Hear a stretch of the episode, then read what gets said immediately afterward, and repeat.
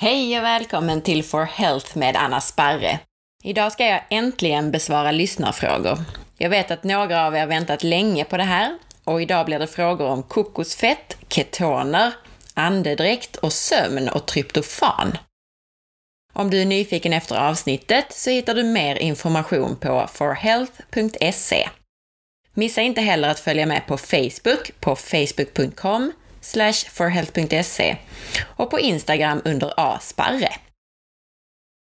Tack till vår sponsor Zenbev som gör den här podcasten möjlig.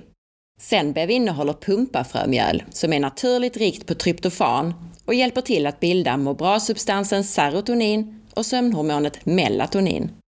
Zenbev stavas med Z och du kan hitta det i närmaste hälsokostbutik. Till lyssnarfrågorna. Signaturen Elin skriver Hej! Dina poddar är så bra. Jag har lärt mig massor och väntar otåligt på varje nytt avsnitt. Har provat tryptofan efter att ha lyssnat flera gånger på poddarna som handlat om sömnen. Har märkt en klar förbättring när det gäller min sömnkvalitet. Jag somnar lättare, sover bättre och om när jag vaknar på natten så kan jag lättare somna om. Använder mig också av mindfulness, vilket även det är ett mycket bra hjälpmedel. Nu till min fråga. Jag undrar hur länge jag kan ta tryptofan utan att det inverkar på andra ämnen i kroppen. Har ätit i cirka två veckor. Bör jag komplettera med magnesium eller någonting annat? Tack för att du delger mig din kunskap, Elin. Hej Elin! Tack för din fina feedback. Ja, när det gäller det här med att ta ett ämne sådär taget ur sitt sammanhang så ska man alltid vara lite skeptisk. Precis som du ju är just nu. Jag menar alltså att i naturliga livsmedel så finns ju tryptofan tillsammans med andra aminosyror och mineraler med mera. Och antagligen så är det så av en anledning. Vi vet till exempel att sockerarten fruktos är helt okej okay om vi äter det i en frukt, skyddad av antioxidanter och fibrer. Men så fort vi extraherar det och tar det ur sitt sammanhang så har vi en skadlig och reaktiv substans. Jag har egentligen inte något exakt svar på din fråga om hur länge man kan ta ren tryptofan, men många rekommenderar att man alltid tar tryptofan och tyrosin tillsammans. Inte samtidigt nödvändigtvis, men till exempel tryptofan på kvällen och tyrosin på morgonen. Tyrosin är också en, en aminosyra. Men jag skulle ännu hellre rekommendera att du helt enkelt fasar ut tryptofanet så fort du känner att sömnen är under kontroll Se om mindfulnessen har fungerat så bra att du inte behöver ta tryptofanet längre. Ha tryptofan som en liten mental säkerhet vid sidan av sängen, som du kan ta om du inte alls kommer till ro. Ta istället magnesium på kvällen eller om du vaknar på natten. Det kan också ge en sövande och lite avslappnande effekt. Den långsiktiga lösningen handlar ju om att bli trygg och komma bort från stresssystemet med stresspåslag i form av det sympatiska nervsystemet och stresshormonerna. Och lyssna gärna på tidigare avsnitt om det här, eh, bland annat intervjun som jag gjorde med Anna Hallén för någon vecka sedan. Och avsnitt 9 och 15 som handlar om stressresponsen, nervsystemet och hur avslappning fungerar rent fysiologiskt. Ytterligare ett alternativ om man känner att man behöver ta tryptofan under en längre period, det är att ta det tillsammans med de här hjälpämnena i livsmedelsform. Nu är det så att det är svårt att få tillgång till just tryptofanet ur mat eftersom det är stor konkurrens med andra aminosyror från själva livsmedlet för att passera in i hjärnan. Jag tar den produkt som sponsrar podcasten som ett exempel, jag blev så inspirerad av mitt möte med den kanadensiska läkaren Craig Hudson, som förklarade mekanismen bakom det här. Och processen är verkligen intressant när det gäller tryptofan. Som jag har pratat om och skrivit om tidigare så är tryptofan den aminosyra man lättast får brist på. Och det handlar främst om att den konkurrerar med så många andra aminosyror för att passera blod-hjärnbarriären och komma in i hjärnan där den sen kan omvandlas till den här må bra-substansen serotonin och sömnhormonet melatonin. Och det är det du, du är ute efter, att, äh, den här omvandlingen från tryptofan till melatonin. Och det här kände jag till sedan tidigare, alltså att för att få den här effekten på serotonin och melatonin så behöver man ofta ta tryptofan enbart och inte i livsmedel så att säga.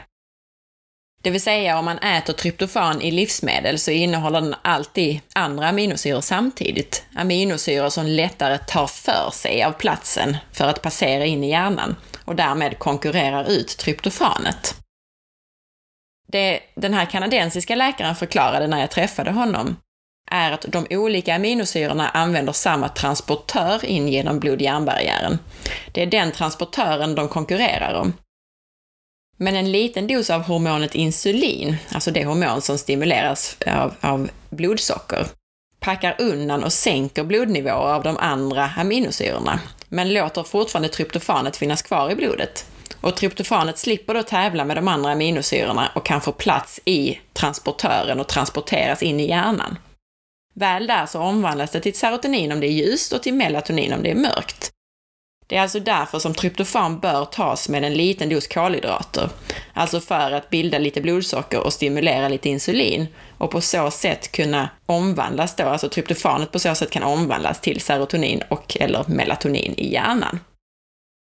Och för att få en fungerande tryptofanprodukt av de här tryptofanrika pumpafröna som han använder, den här läkaren, så måste man därför både ta bort oljan i pumpafröna och tillsätta, då tillsätter han dextros för att stimulera lite, lite insulin. Och sen tillsätter man även lite rismjöl för att det också behövs B3, eh, vitamin B3 och B6 för den här omvandlingen från tryptofan till serotonin och melatonin. Jag får nu ta hit och intervjua eh, den här Craig Hudson. Han hade mycket kloka tankar om hur man skulle kunna undvika starka sömnmediciner och antidepressiva och istället använda livsmedelsbaserade produkter. Men vi går till nästa fråga. Signaturen Lovisa skriver så här. Hej! Jag har lyssnat på flera avsnitt av din podd nu och tycker att den är superbra och inspirerande. Jag har en fråga. Jag har under flera års tid nu ätit LCHF och jag får så himla mycket hälsoeffekter. Detta har naturligt lett till att jag bara äter två tillfällen om dagen, då jag helt enkelt inte är hungrig. Jag hoppar över frukosten och äter första målet vid lunch, då ofta ägg och majonnäs, eller smör eller liknande. Andra målet är större och det äter jag mellan 17 och 19 på kvällen. Då ofta kött eller fisk, smör och broccoli eller liknande grönsak. Då till frågan. Jag vill gärna få in att äta någon eller några matskedar kokosfett varje dag. Jag har försökt detta tidigare och det gör mig ofta illamående. Antagligen på grund av för stor mängd. Jag är inget fan av fett-te eller fettkaffe. Jag har kommit fram till att bästa sättet bara är att ta en sked kokosfett och svälja ner i samband med måltid. Jag undrar när det bästa tillfället är att ta den här matskeden jag har läst att det ger en boost och mycket energi, så det kanske inte är så lämpligt på kvällen. Spelar det någon roll för effekterna? Tack på förhand! Hej Lovisa och tack så mycket för din fina feedback! Det låter jättebra det du gör, att du äter, alltså spontanfasta som jag kallar det för, alltså att man äter när man är hungrig helt enkelt. Det här med att äta många mål mat och eh, mellanmål och så, det handlar ju egentligen bara om att man behöver matcha blodsockret om man är i sockerdrift, alltså om man går på kolhydrater och, och eller protein. Är vi i fettdrift så klarar man sig fint med att äta när man är hungrig. Och jag tycker definitivt inte att man behöver dricka fettkaffe. Fettkaffe, för er som inte vet, är eh, att man eh, dricker kaffe med smör och kokosfett. Man kör det ofta i mixer för att det ska funka och bli gott en dålig sida av fettkaffet som jag har märkt av, inte, jag dricker inte det själv, jag tycker inte ens om kaffe, men det är att folk börjar dricka mer kaffe. Och koffeinet vill vi inte överdriva, framför allt eftersom det är stressande för kroppen. Så jag skulle hellre ta det så som du gör, alltså på sked. Eller blanda ner det i maten på något sätt. När du ska ta kokosfettet beror ju lite på vad det är du vill uppnå med det. Men om vi antar att det är hälsoeffekterna framför allt av ketonbildning som du är ute efter, så skulle jag avsluta fastan med kokosfett för att få bäst total effekt på ketonerna. Alltså att du tar det innan ditt första mål mat eller till ditt första mål mat. Du har troligen redan en hög nivå ketoner efter att ha fastat. Och för att förlänga den här effekten bör första målet vara fettrikt. Särskilt de medellånga fettsyrorna i kokosfett har ju en god effekt på ketonbildningen. Och för dig som undrar vad i hela friden jag pratar om, lyssna på avsnitt 12 om ketoner och gå till exempel min distanskurs för att lära dig grunderna om kost och hälsa. Men om detta nu gör dig illamående, Lovisa, så sprid ut ditt kokosfett över dagen. Tänker du att du ska få i dig till exempel tre matskedar kokosfett per dag, så ta det tre, sex eller nio gånger om dagen i små doser. Du kan också blanda kokosfettet med, med någonting för att göra det godare och se om det går bättre då. Alltså du kan ju till exempel steka i det eller blanda ner det i någon gryta. Och jag har ju bland annat det som jag kallar för For Health Ultimate Choco Punch, som är ett recept på en mycket low carb efterrätt egentligen, men som i huvudsak består av kokosfett. Min Choco Punch är hur grym som helst tycker jag. Jag äter det gärna som en kombination av efterrätt och dagens kokosoljetillskott. Förutom att det är gott och nyttigt kokosfett så är det faktiskt väldigt low carb. Ingredienserna du behöver till det här är kokosfett, kakao, kanel, äkta lakritspulver, havssalt och om du vill lite riven kokos. Och du kan göra det här med eller utan riven kokos, det blir lite olika smak. Det går också bra att utesluta kanelen om du är skeptisk efter kaneldebatten. Läs mer om kanelskandalen på forhealth.se. Det är bara att söka på sidan. Men för en bit sån här choco punch så blanda ungefär en matsked kokosfett med en tesked kakao. Om du vill en tesked kanel. Och så en knivsudd lakritspulver. Lakritspulver är det som ger sötma, så ta mer om du vill ha något sötare och mindre om du vill vara supernyttig. Och sen har du i en nypa salt och om du vill kan du ha i en matsked riven kokos. Måtten är ungefärliga, så alltså gör så att du tycker att det blir bra. Och om ni inte hängde med här i det jag berättade så går det bra att söka fram det här receptet på forhealth.se. Sen formar man det här till en boll med sked och sen så har man en bra efterrätt. Det man ska veta här är att lakritspulver är high carb, alltså det är ungefär 65% kolhydrater. Men det väger ju nästan ingenting, så en knivsudd är definitivt försumbar i, i sammanhanget. Däremot så smakar det sött, så att det gäller att man klarar av den här sötman. Många personer som har ett sockerberoende triggar igång bara på den här söta smaken. Men för gemene man så skulle jag säga att det här är ett bra sätt och ett gott sätt att få i sig kokosfett. I kanel så är de mesta kolhydraterna fiber och kakao är lite som nötter, mycket fett och protein men också cirka 13% kolhydrater, förutom de kolhydrater som är fiber. Men det här väger ju inte heller så himla mycket. Ett stort paket kakao innehåller ju bara 250 till 400 gram. Men vill du göra det mer low carb, alltså få den här superketoneffekten, så minska övriga ingredienser och öka kokosfett. Vi går till en fråga till. Och nästa fråga är från signaturen Louise som skriver så här.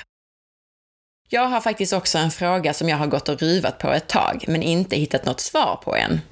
Kan det vara så att lågkolhydratkost påverkar andedräkten negativt och finns det då något som man kan göra för att undvika detta? Tack för en trevlig blogg och podcast! Ja, så är det. Just ketonerna, som vi precis har pratat om, och det är de som bildas när vi bränner fett. Levern bildar ketoner då. Och den ketonen som finns i utandningsluften, det är aceton. Och när vi är i ordentlig ketos, alltså när vi bränner en hög andel fett och bildar mycket ketoner, så blir det så att, att andedräkten helt enkelt luktar aceton. Och särskilt då av kokosfett är som sagt ketonbildningen hög. Så ja, vad ska man göra? Du får tugga minttuggummi eller, eller ännu hellre myntablad eller någonting. Och kanske äta mindre kokosfett eller, eller lite kolhydrater innan du går på en dejt kanske. Har någon av er lyssnare ett bra tips på hur man fixar till andedräkten om man ändå vill vara i ketos, så skriv gärna i kommentarerna på forhealth.se. Tack så mycket för att du lyssnade idag. Du som gillar podcasten och den gratis information som den innehåller, dela gärna med dig till dina vänner och bekanta.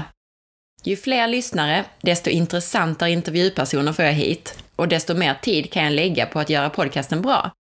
Så tipsa gärna din bror, mamma, dotter, vän och lägg upp en länk på Facebook. Tack på förhand!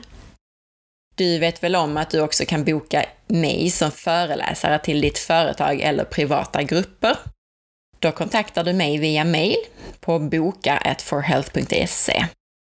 För dig som vill lära dig mer grundligt om kost och hälsa så börjar nästa omgång av kursen Ät dig frisk och smal den 13 april i Kåseberga i södra Skåne. Mer information finns på forhealth.se kurs i Ystad. För dig som inte bor i Skåne så finns det också en distanskurs som du kan gå antingen online eller i form av brev. Under nio veckor så får du då kursavsnitt och har hela den tiden också fri rådgivning via e-mail. Information på forhealth.se distanskurser. Gå gärna in på iTunes och lämna betyg och recension och titta in på bloggen på forhealth.se för att önska intervjupersoner eller ställa frågor som du vill att jag eller en intervjuperson besvarar i podcasten. Njut av din dag så hörs vi om en vecka igen.